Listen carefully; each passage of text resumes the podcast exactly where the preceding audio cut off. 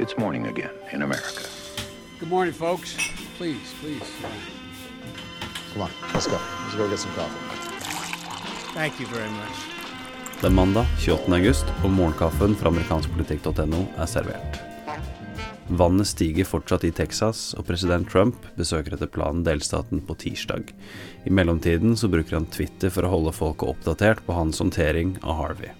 Sent på fredag så benåda president Trump sheriff Joe Arpaio fra Arizona, en meget eh, kontroversiell og konservativ og omdiskutert eh, sheriff som har blitt 85 år gammel.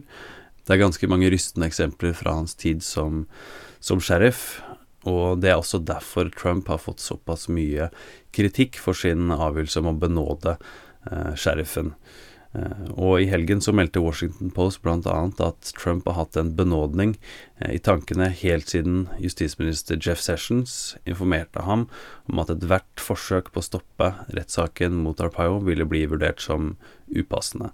Eh, Trump bestemte seg da for å la saken gå sin gang, med en plan om å ta i bruk en benådning i tilfelle Arpaio ble funnet skyldig. Og det ble han.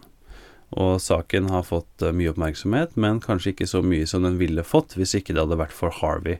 Trump kom med denne nyheten idet alle fokuserte på hva som skjedde i Texas. Jury, you know? I'll make a prediction. I think he's going to be just fine, okay?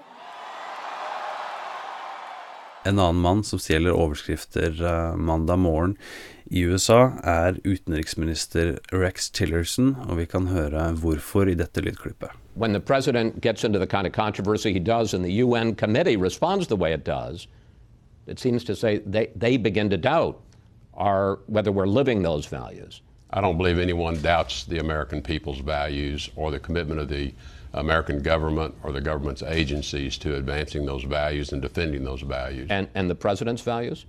The president speaks for himself, Chris. Are you separating yourself from that, sir? I've spoken, I've made my own comments as to our values as well in a speech I gave to the State Department this past week. Mr. Secretary, thank you.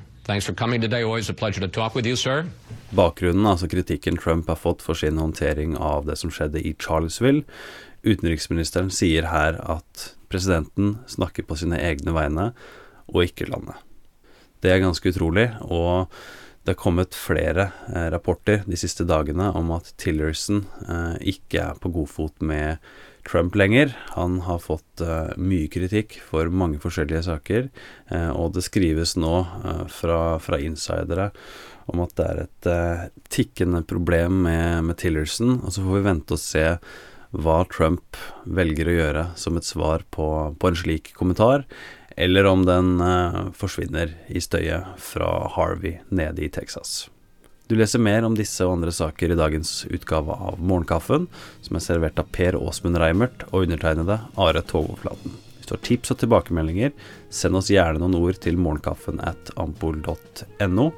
Du abonnerer ved å gå til ampol.no kaffen, og så snakkes vi i morgen.